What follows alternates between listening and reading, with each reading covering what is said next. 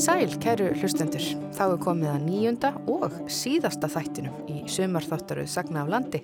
Það sem að flutta hafa verið valin innslög frá liðnum vetri fyrir ykkur hlustendur að njóta í sömar. Og við byrjum þannan síðasta sömar þátt á Ólafsfyrði.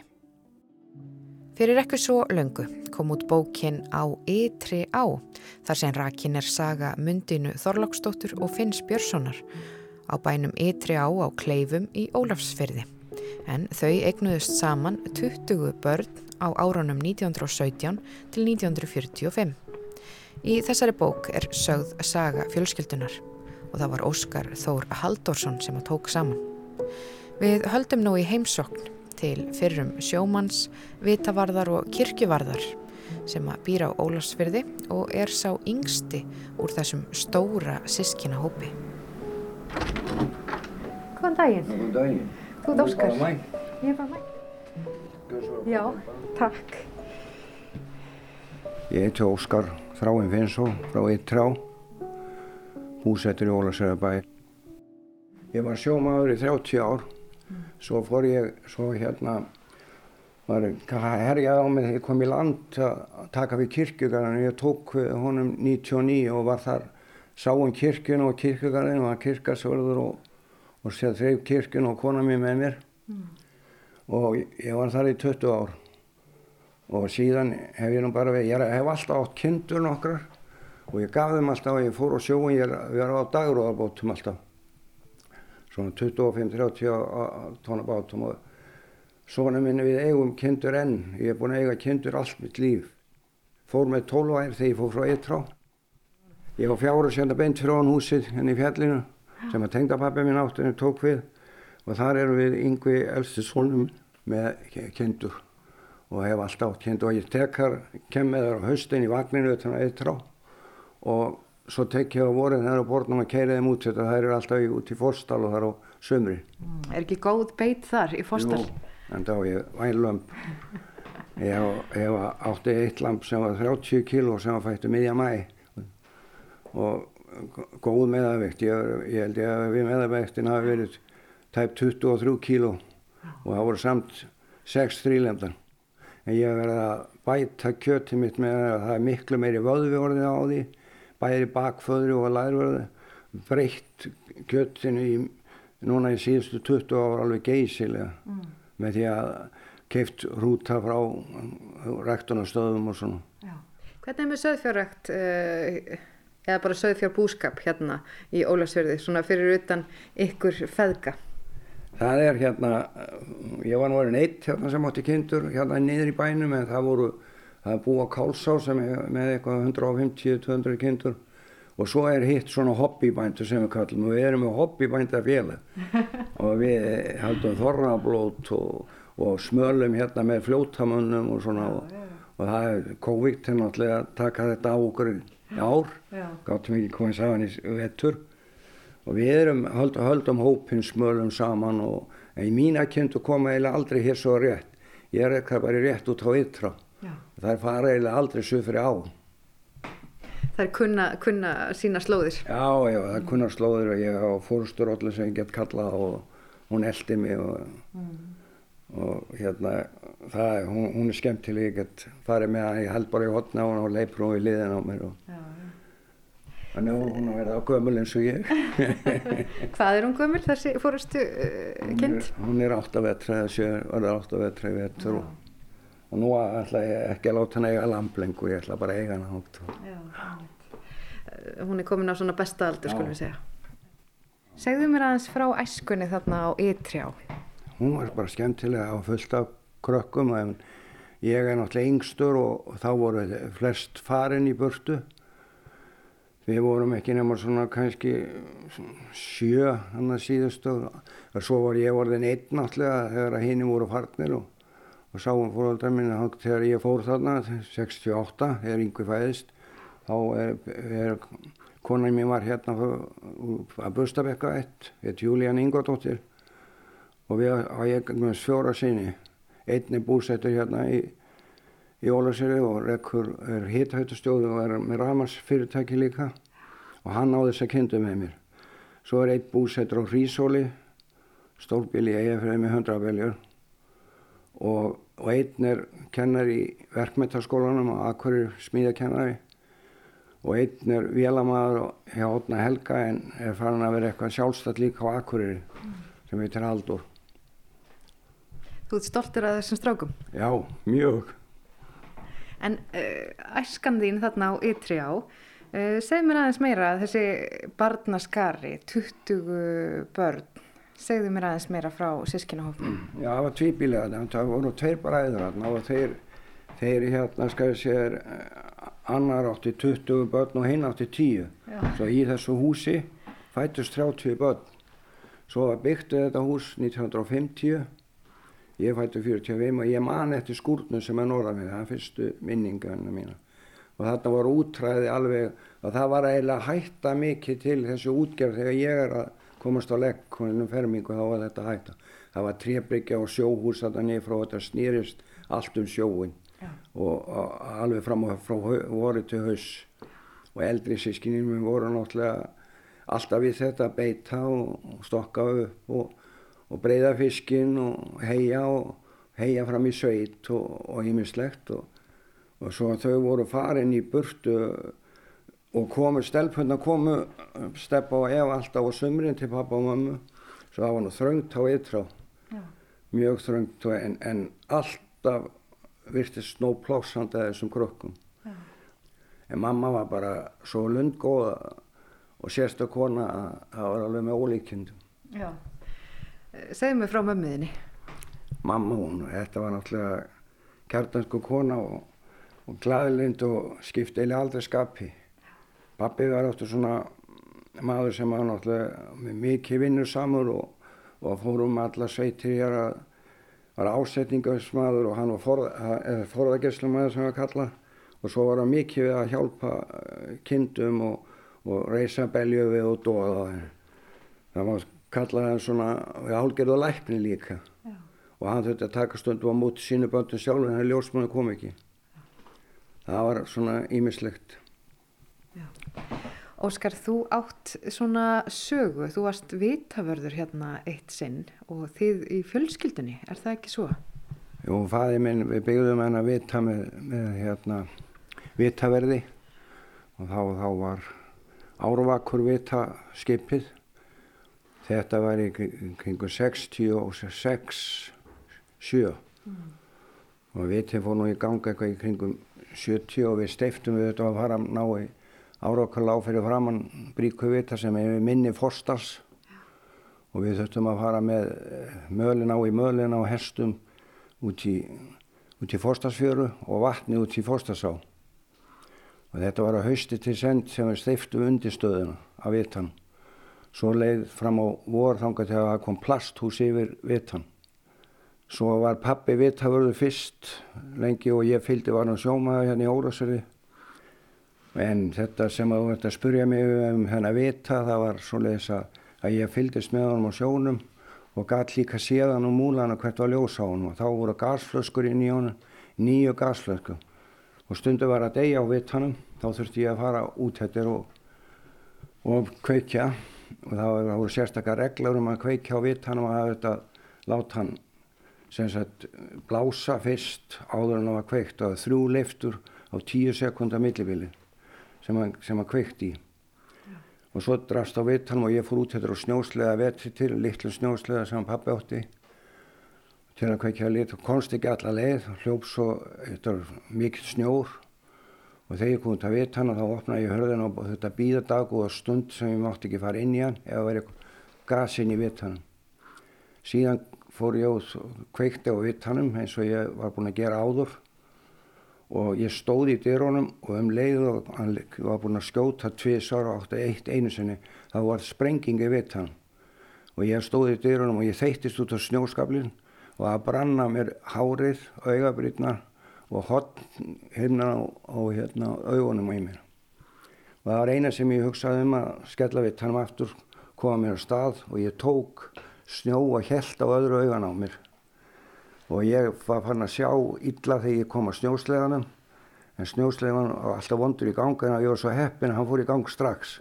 Svo ég skipti, held bara stýri annað henni og fór slóðina og þegar ég kom að túnin á Eittrá þá sá ég orðið lítið en ég, ég komst heim, það var engin á Eittrá, pappi og mamma voru farin. Og ég sá ég rétt á handriða á brunni og komst á Söðrá, það var búið á Söðrá og húsveginn á Söðrá sem heit Ingebjörg Guðmundstóð kom í dittnar og leist nú ekkert á mig. Og ringdi upp strax á sjúkrabíl og ég var að fara með mig til Akureyra. Þar var limt fyrir augun á mér og þar var ég eitt sólarheng og þá var tekið á augun á mér og læknirinn sagði við mig að það hefði verið mín gæfa að ég skildi kæla augun á mig strax. Það hefði retta sjóninni og ég fór heim eftir rúman sólarheng aftur og það, og það var ótrúlegt að ég hef aldrei fundið neitt til í augun síðan. Þessi vjelsliða ferð tilbaka, hvað hugsaður, hvað fór í gegnum hugaðinn þegar þú varst að fara þarna á vjelsliðanum tilbaka? Að reyna að komast á og fylgja slóðinni, að reyna að sjá, reyna að skipta á augunni því ég alveg sá ekkert orðið með öðru augunni, að reyna að setja á hitt augan og reyna að sjá slóðina því að ég rétt sá handriði á brunni sem ég þetta var yfir, sem ég var að koma að seðra á. Og ég komst í dittnar og seðra á og svo beði ég bara eftir að sjúkrabillin fór maður með til Akureyru. Mm. Og það var góð færð þannig að þú komst alveg bara greiðlega? Já, það var fært út á kleifa þá þegar þetta var og búið að móka og það var alveg ágættsfærin en því mér hefði keirt beintin á Akureyru. Mm. En uh, helstu svo áfram að vitja vit hans eftir þetta eða? Já, já, ég, ég fylgdi, var alveg, þetta hefur líklega skeið svona í gegnum kringum ja, 83, fjögur og, og ég var alveg með hann þángar til að það kom 91 Já. Þá sá ég hann vitt hann En varstu ekki bangin eh, þegar þú varst að fara svona eftir slísið eða hvernig var það? Nei, nei, nei, ég var ekkert bangin með það því nú passaði ég með enn betur á þessum að draf á vitt hann því þetta hefur bara verið fyrir það að lokan þegar hann skýtur upp þá var það bara fyrir að lokan hún stoppar ekki. Hún stoppaði svo og það var ljós á henni þegar ég fór. Skellt eftir hurðun og fór, þá var ljósið komið á. Þá var bara þegar gasir ég varði í dyrun til ánsins annars hefði hann þetta sérnilega drefið mig og ég þeittist út úr dyrunum á baki í snjóin svo þetta var talsöðu þrýstingur sko. en það var ekkert hár og höstnum um mér og fram og engar augabrið og ekki neitt Já. svo ég hef nú litið ábygg lítla út þegar ég hef komið til húsa hérna og siðra og Þú hefur verið hálf ófrínilegur. Já, já, kannski ekki frínilegur fyrir en ekki verið að batna. Fóstu vanalega þessa leið á snjúsliða eða var þetta bara tilfallandi þennan dag eða hvað? Já, ég var drast á vetrinum til þá fór ég svona en á sömrinu þá lappaði þetta bara og hljóp þetta en ef snjósliðin hefði ekki farið í gang og ég hefði þetta lappa alla þessa leið, þetta eru fjóri kílometrar úr mér þá hefði ég, veit ég ekki hvað ég hefði gert. Ég hefði kannski reynd að með fótónum að reyna að fara eftir slóðinni, fikra mig áfram svo leysa þegar ef maður kemst einhverja svona klemmu þá fæði ofnast einhver annu vitt. Það er bara svo leys. Það er eitthvað annað. Ég hef búin að lenda í, í að reyka fjöverstanu hinsið og haustun og lenda í stórrið og það er eins og þegar maður þrengir að manni að maður fá einhvern annað afl. Já.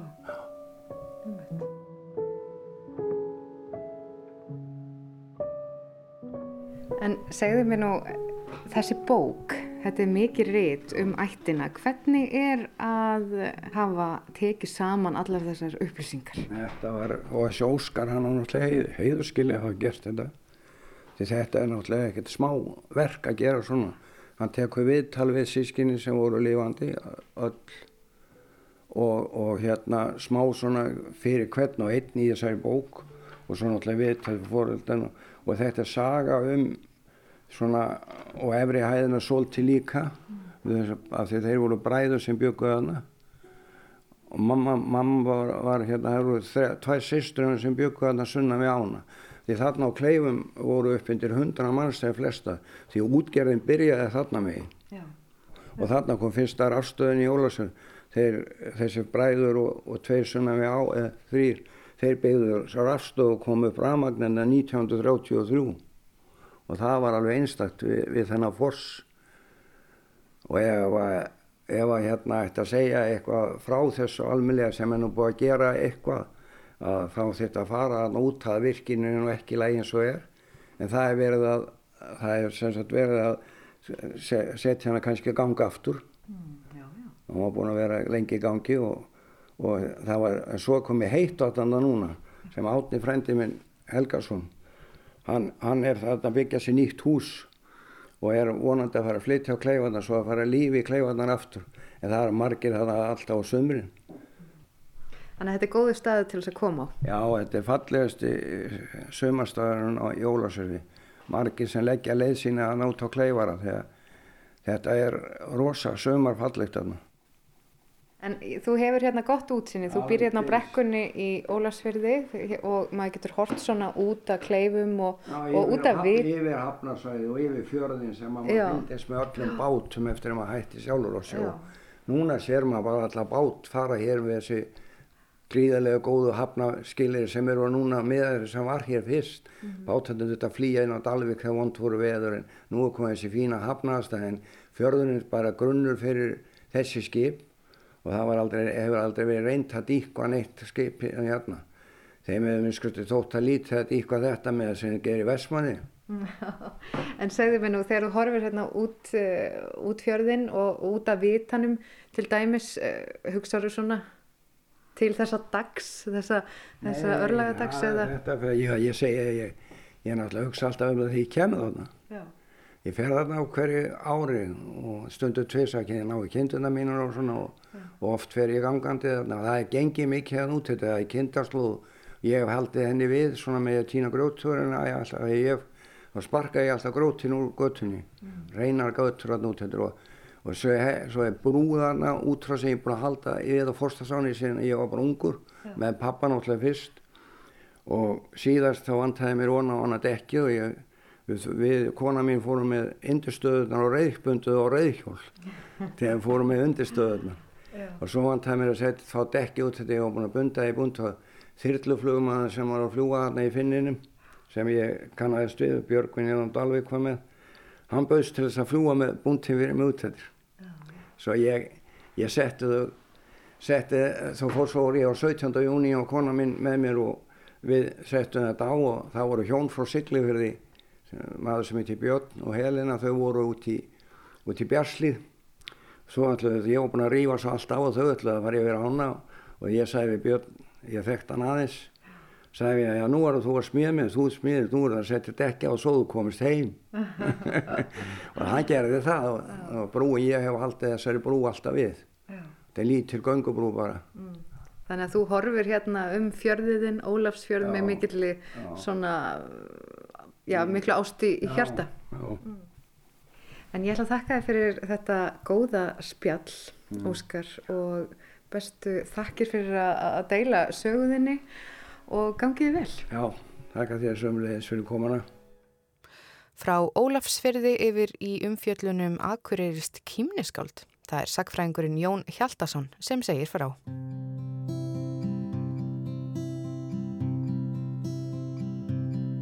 Þegar vetur vikur frá og veðrið fer að hlýna þá er fögur sjón að sjá sólina okkar skína.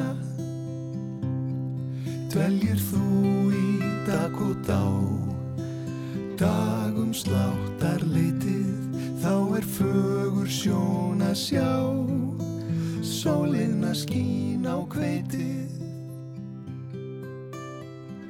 Káinn er akkureringur skáld og vesturfari.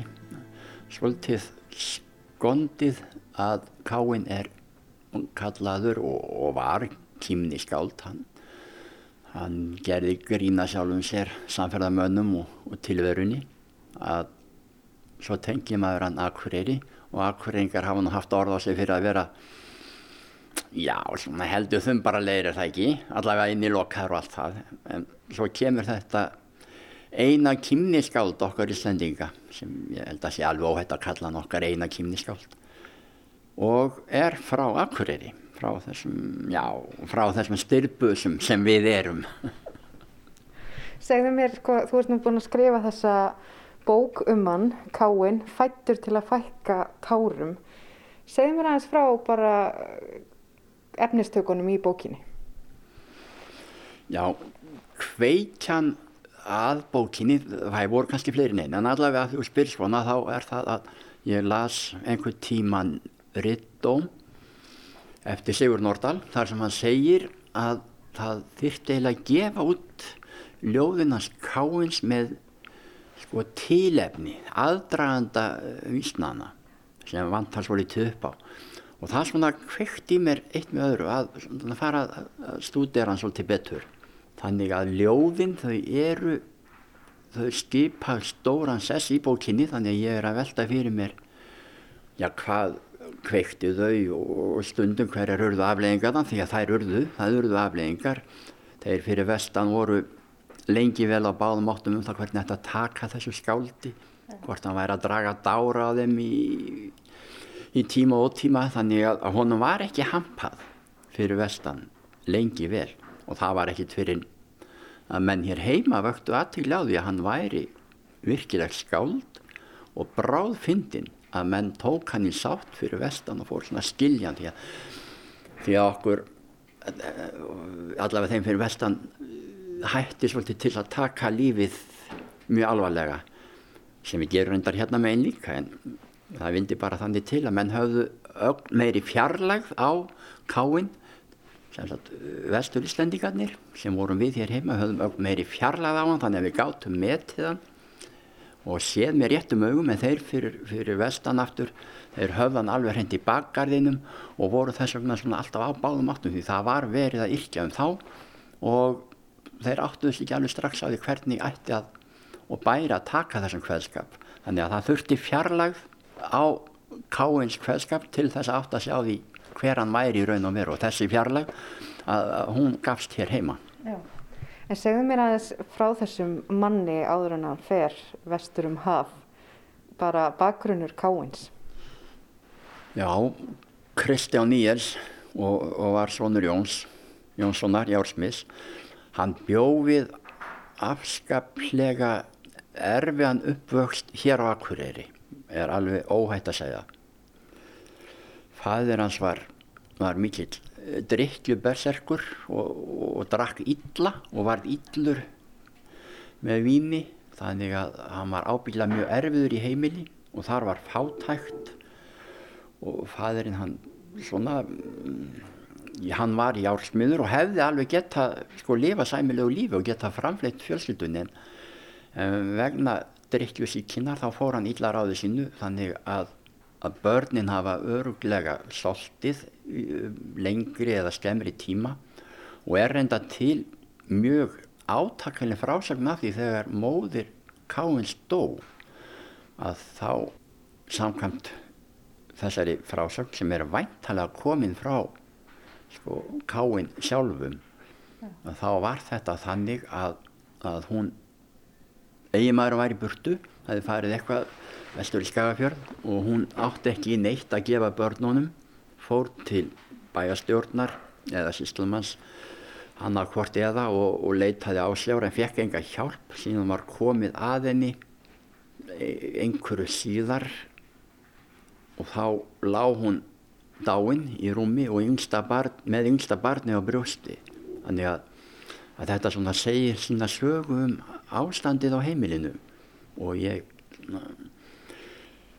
Uh, já, ég veit ekki hvort að þetta er rétt frásögn en, en, en ég drega hann ekkert í efa heldur. Þannig að, að, að Káinn bjóði þessar aðstæður alveg þangað til hann var fermdur þegar móður hann stó sko rétt áður en hann var fermdur 14 ára gammal en þá fór hann í sveit og þar hefur hann ábyggilega haft, haft nóg að borða og, og reyndar þá bændurnir þetta er, þetta er mjög skemmtilegt að hugsa til þess því að hann er sko 14 ára fyrir hann í sveit og þeir bændur átt að sjá því að þetta er alveg einstakur pildur hann, hann man allt, hann, hann er enga stund að læra vísur yeah.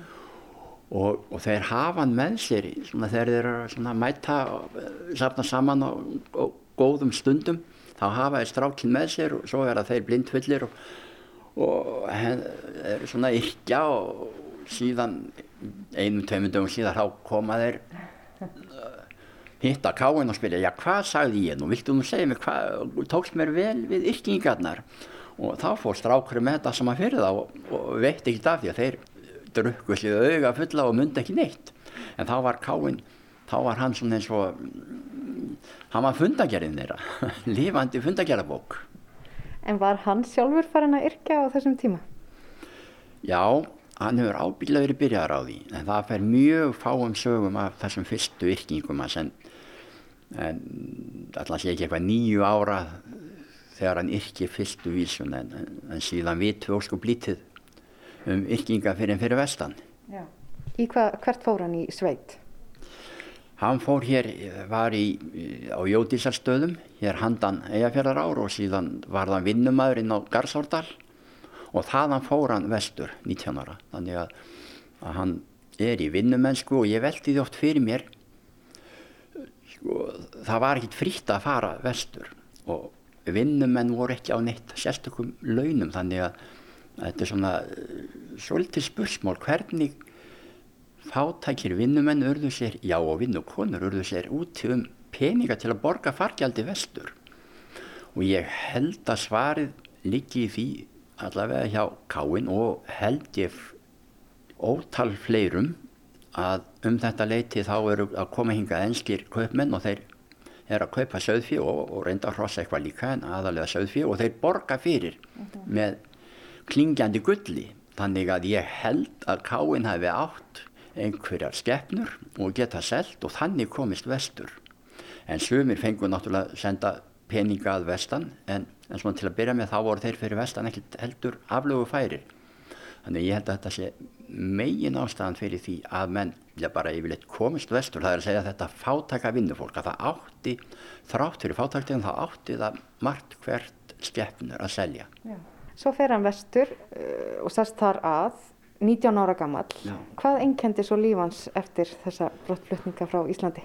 Það er lausamennska hann er, er verkamaður alla sína tíð og þegar hann kemur nú hérna vestur þá er hann í, í, í Winnipeg og þar gengur hann til allra verka og þá náttúrulega verstu verkana ja. mokstur og byggingarvinna og, og því að hann komst fljótt upp á lag með það að hlaða hann kunni það einhvern veginn ég veit ekki hvort hann hefur jafnvel lært það eitthvað hér heima en, en fyrir vestan þá var hann svolítið þekktur fyrir það að geta hlaðið skorsteina og, og veggi og, og og eflust hefur það orðið til þess að hann var ráðinn þegar hann fór yfir til bandaríkjana að þá var þann þar umsjóna maður kirkjugarsi sem hefur líklega verið vegna þess að hann gætt annast um leiðin. Hann náttúrulega gætt mokað tekið grafir en hann gætt líka hlaðið þannig að, að, að hann gætt gengi frá leiðum eins og menn vildu En hvað með skáldskapin fyrir vestan? Var þann strax þetta kýmniskáld eins og segir eða þróaðist það með honum eða hvernig, hvernig þróaðist hans ferill í skáldskapin? Já, hann, hann, hann var strax byrjaður að leika sér að orðum og, og þessi orðkingi hans er mjög ábyrrandi hann, en, eins og ég sagði að, að þessar fyrstu yrkingar þær eru þannig að menn áttast ekki alveg á því hvað hann er að, er að segja. Hvort hann sé að draga dáramönnum eða hvað. Þannig að, að það fer tiltöla líti fyrir þessum kveðskap. Hann treður upp tvísvar á svona stórum samkomum. Annar í, í, í Winnipeg og síðan nokkrum árum setna í Duluth í, í Bandaríkjónum og í bæði skipti þá fer hann með svona mikla kvæðabálka og menn, svona, menn hrista höfuð og er alveg á báðum áttum. Er hann, hvernig hefur við að taka þessu er hann eitthvað að gera grína okkur bölvað maðurinn eða hvað? Þannig að, að, að það er eitt um, um, um hann er að vera sextur þegar menn loksins taka hann í sátt. Þannig að hann yrkir ábyggilega allan þennan tíma þótt að það sé ekkit að byrtast það er ekkit fyrir neftir já, 1915 að hann fer að, að fá og eftir 1915 að hann fer að fá byrt í Íslandikablóðunum fyrir vestan Við sendum boltan næst yfir á hann Rúnar Snæ Reynisson og revjum upp viðtal hans um strandaðan tógar. Í april árið 1919 strandaði tógarinn Klein Kastul á bakkafjörum í Öræfum. Tógarinn sati í sandinum og gæti áhöfnin gengið þurrum fótum í land.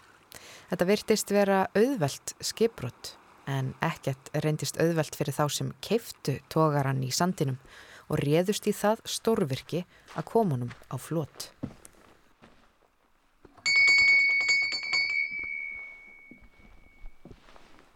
Gjör svo vel.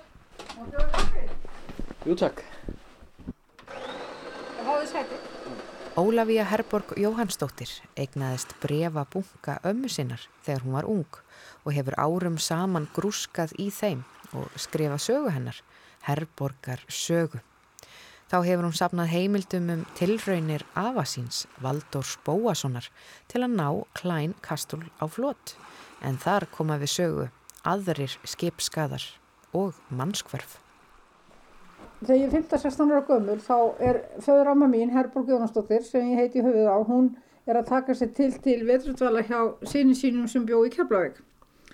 Og hún er fyrir eitthvað svona veltaði svona bunga fyrir sér og segir svona, já, ég veit ekki svo sem hvað ég ætti að gera við þetta. Og þá var ég bara eitthvað kvatis að ég sem á ég ekki breyga þau. Og hún segir þá, já, ef þú getur orðið svona manneska til að varvita þau. Og ég tók þetta einhvern veginn svo rosalega hátilega að ég var alltaf, gemdi alltaf þennan bunga en skoðaði hann ekkert voða mikið. En ég sá að þetta var sem sé bref frá hennar börnum til hennar og ég hérna sem betur fyrir tók hann með mig því ég fór að búa kringu 70 og það bjargaði hann frá því að brenna á samt öllum eigum fóröldra minna 72 þegar brann á þróndastöðum. Og eins líka aflæði ég með heimilda um sögu Valdós afa míns sem að ég hafði ekkert allar beint að skrifa um en hann einhvern veginn, já við skulum bara segja hann hafi tróðið sér inn í þetta mál. Þessi þau, hún og Valdór voru bræðraböld, hann var ætti á frá stöðlum í Reðafyrði og hún var dóttir Jónasa Pjötur sem var bjóða hlýðarinn til Breital. Og þrátt fyrir fjöll og fyrnindi þá gáttu þau hist og urðu afsangjun og byrjuði að búa eða böld. Og það má kannski segja að það sé stór örlagavaldur í lífi ömmuðinnar og afa þessi tógari, Klein Kartul. Getur sagt okkur frá þessu skipi? Já, já, ég þarf fyrst að samt að segja pínlítið sko, afi var mjög kvattís og hann var þótti duglegur og alltaf sískinum frá stöðlum en hann stundu kannski, uh, ég held að hann ekki rekna alltaf málið um, dæmi til enda en að gert alltaf vonur um að allt myndi takast vel og allt myndi enda vel. Hann var mjög björnsinn og glæðvindur maður og trúð á forsjóna og Guð og það strandaði tóri 17. april 1919 á stað sem heitir Bakkafjörur, hann er beint framundan kvískerum í örum þar sem við keiri framhjá þau og keiri þjófið nr. 1 Suðurlandirum og þessi tóri strandaði til þess að gera nýr, hann var einingust tveggjara gammal og mennirni sluppa allir lifandi og tógarinn liggur hérna bara í mjúkum sandinum óskemdur að mestu leiti. Og þetta var svona auðveldur sjávarháski getur við sagt, það voru góðir aðstæður hérna. Já, þeir gáttu bara að lappa þurrum fótum í land og það var reynd að bjargonu strax. Það kom hérna varskip sem heiti Geir, eða hétt Geir og þeir gáðust upp og þá var eiginlega skipstjórun hann bara ákvaði að það var ekki bara þýðingalega stæmi og, og þeir fóru bara. Og þannig lág hann fullur af fiski Jóhann Hansen með sína miklu þekkingu í tókbrötum og öllu skiparsmíði fær valdur af að liðs með sér þeir eru taldir kaupendur. Þetta er sem sé eins og ég segi það er sömarið 1919 en einna aðalmönnuna sem þeir hugsuðu með sér til hjálpar það var Gísur Filibursson og hann, hann týnist þarna vetralagi á Seðisjöru 21 og þá var hann nefnilega að taka sér til til að fara og gera eitthvað fyrir þórum. Hvernig gerist það að Gissur týnist? Það veit enginn, hann var að vinna í velsmiður á Seðisjöri en bjóð út á Vestaseyri sem er hinn með fjörðin og hann fer bara eitt kvöldi heim úr vinnunni til síns heima en kemur svo ekkert fram og báturinn finnst bara brotin í fjörunni þegar aði gáð en hann hefur aldrei, hefur aldrei fundist tangunni tettur á honum. En þetta var til þess að ykkur að tafir urðu á framkvæmtu við skipið. Þá svo kemur líka upp annað sem hafði heilmikið áhrif á Valdór og mína fjölskyldu þar með sem sér ömmu og hennar börn að hann átti velbátt sem hétt Jenny og hún var ætlu til að vera svona eins og snattari fyrir verkefnið. Flutti vistir og menn frá hotnafyrið í bakkafjörðu og það var áður en Gissur deyr. því að þá hann að byggðu gísurinn einn ein, ein daginn um að hvort hann geti fengið lána bátinn til að skuttla sér yfir vötnin eins og hann segir til að hann kemist í land og afi lána sína Jenny og með áhöfn sem voru þrý menn og þeir flytja gísur og gísur kemst í land og uh, hans saga er eiginlega bara svo, hann fær svo til Reykjavíkur og hitti sína fjölskyttu en svo gerist margt döluföll Jenny hún hérna báturinn hverfur og menniti með. En svo löngu löngu setna þá komaði fram út í húl. Þá þeir hérna verið tekninu borðið tóra og hann var ekki með ólju eða kól held ég til að sigla neitt með þá til, til að setja það land heldur sýndi bara beint út með þá það virtist ekki það að veri góð talsimarsambönd eða einhver skeitasambönd því að það, þeir láta ekkert heyra frá sér. Þeir eru að koma þarna fram mjög lengur setna eða? sko, mér hefur ekki tekist að afla heimilda um raunlega hversu langu tími. Sumi segja margir mánuður sumi segja upp yfir hálfa mánuð en það er raunlega allar heimildir stangast á við þar sem maður er að finna næst. En þeir komu svo fram en það er samt sem á að halda minningarættum á reyðafyrði þeir eru taldir af. Og eitt sonur Jóns Átnarssonar sem var formaður á Jenny hann er skýrður með þessu í höfuð á hann hann þó hann talið láttum. En svo komaði fram og það er hérna þá eru þið bara kostaðar að ríkinu til landsins. Og ég er með reikning fyrir fargjaldinu. Þannig að það má segja að þessi tógar í Klein Kastúl sé orðið mikið svona örlaga skip eh, þó það liggi bara þarna í sandinum. Já, en svo náttúrulega líka eh, gerist það hann að Valdur Afi, hann hann er með þessa Jenny sem sitt atvinnutækifæri, hann hann flutti fisk frá öllum fjörðunum hérna frá austan og sapnaði saman á einn stað til að flytja það elendis en þar með þarna þegar hann týnir, Jenny týnist þá hefur hann alltaf ekkert í höndunum til að standa við sína skuldbindingar. Og tapar hann þarna upp yfir 16.000 og ég er búin að sjá til þess að, bestastæðir voru til sölu á þeim tíma fyrir svipa verkildi svo það lítur hafa verið svolítið mikið peningur.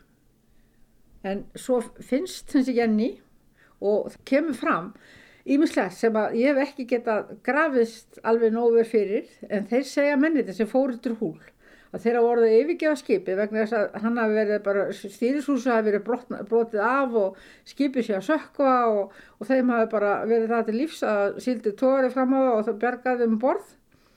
En svo finnst Jenny strönduð á fossfjöru sem er beint framöndan fossi á síðu og þegar hún finnst um varpin sandi þá er hún bara alveg strá heil en með spotta aftan í sig sem að virtist að veri bundin við eitthvað faratæki, jafnveg tóra og hafi verið skórið á.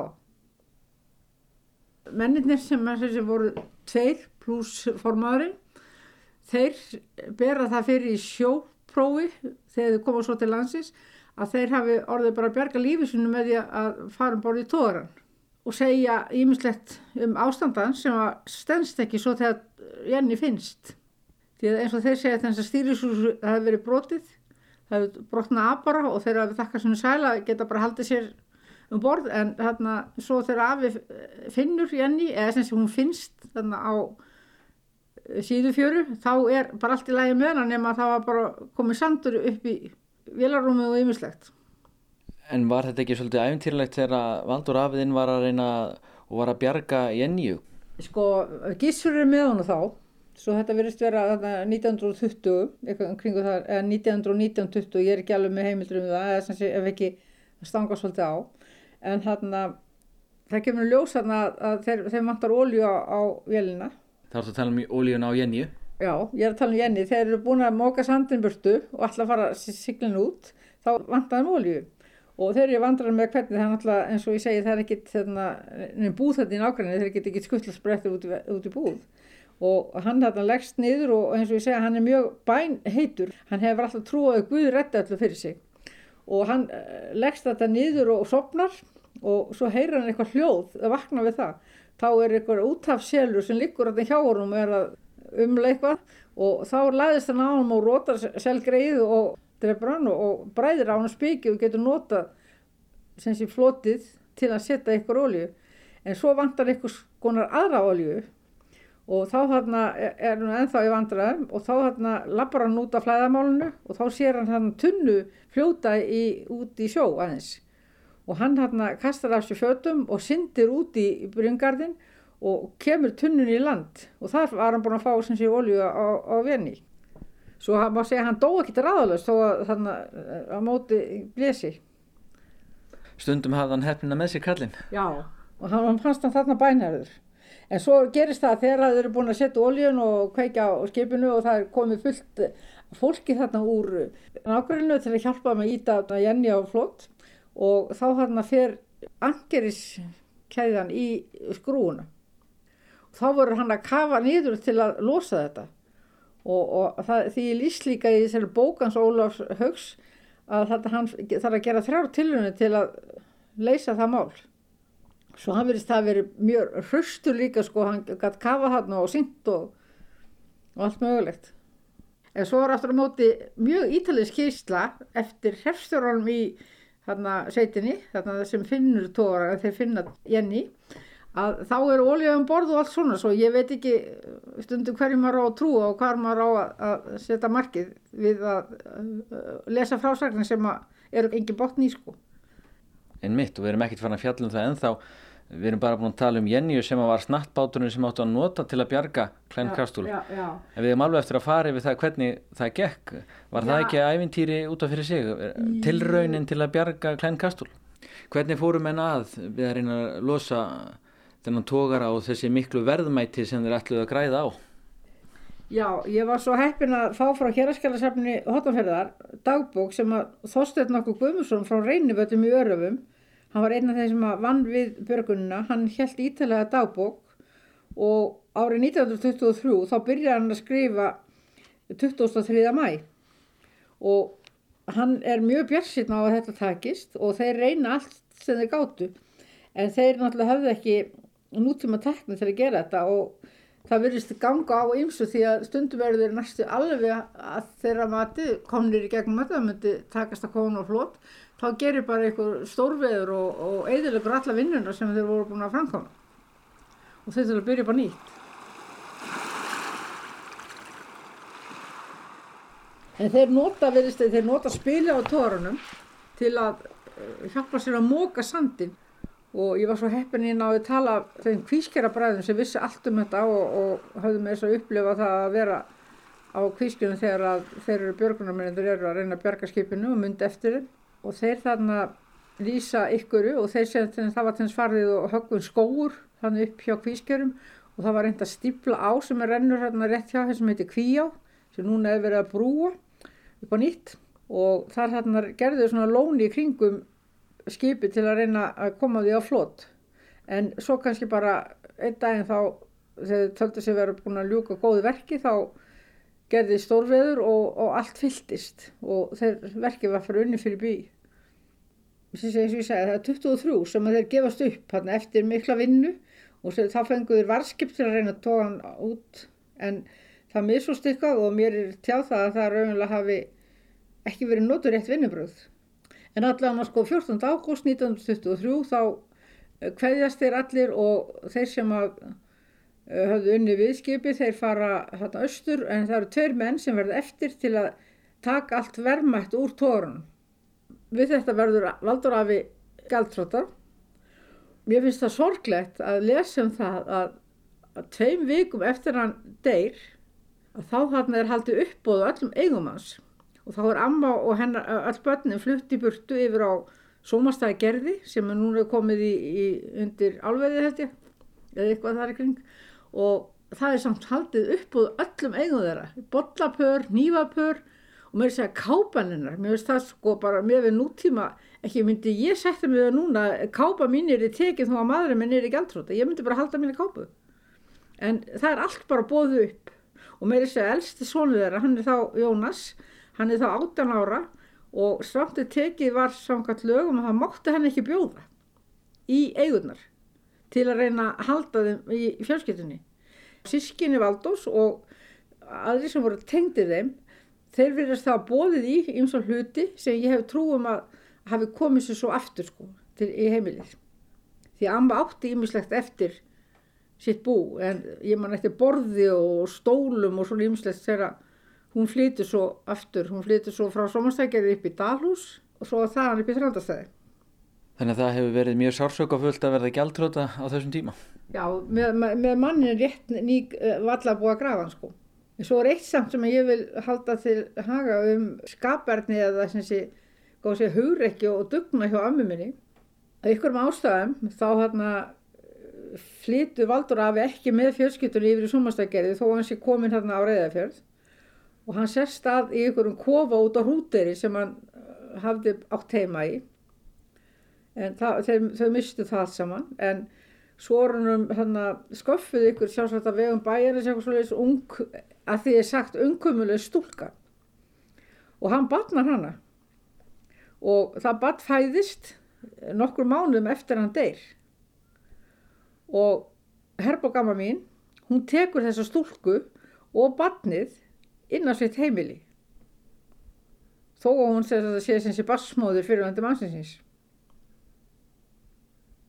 það myndi ekki allir gera það núna sko. En amma átti líka mjög diggan vinn eða sem sé stuðnís hann var alltaf pappi kallaði hjálpahelluna það var maður sem að hétt Þorlefur Þorðarsson kom vestan á Snæfellsnesi sem sjómaði til að róa út í Breiðuvík út með Eskifyrði og hann á eitthvað vegum af að hann endar sem vinnumæður á hrútir hjá þeim Herborgu og Valdóri. Og ég veit ekki hvernig þeirra líf hefur þróast en allavega fylgir hann henn ömmu eftir það meðan hann liði og þau, við köllum hann alltaf bara leifa. Hann var ekki kallar af en hann var mér, ég man eftir hann sem sexuara krekki og þá var hann bara mjög góður afi við okkur sko og núna sjáum við þarna í sandinum menjar um þessi örlög og þessi atbyrði sko, tóðarinn klænkostur hann er bara líkað hérna í rúmlega 100 ár og ég varði einhvern veginn hugtekinn að þessu æmityri afa minns en svo árið 2005 þá kemur þetta einhvern veginn upp í ættinni og við ákvæmum að halda ættamót þarna á svipum stað, er rétt á Hofgar í Öröfum þá stóð skipið talsvett upp úr sandunum og var mjög sjáanlegt. En Veðuguðundi vilist ekki ætla því að vera þann því að það er búið að brotna mjög mikið nýður en eitt sem er mér svolítið dölafullt að það var spilum borðið tóran sem þeir nota meðal annars við björgununa þegar við byrjum að skoða tóran hann að 2005 þá sérst spilið valla en tóran stendur stefnin stendur þar svo upp á sandinum. Og stefnissekkur eða brotna nýður en spilið einhvern veginn dúkar upp og svo það er endað með því að þegar ég fæ styrk frá kvískerðarsjóði um að setja skildi til minningar um þetta strand þá er hérna spilið komið meira upp. Endað með að núna síðastliðin september þá fluttu við spilið úr tóranum ástandstað upp að skildunum svo að fólk getur séð spilið. Og þú vilt endilega halda á lofti þessari minningu um uh, afaðinu ömmu og, og, og þeirra örlög og sem að tengjast þarna þessum tógara Klein Karstól sem liggur í sandinum.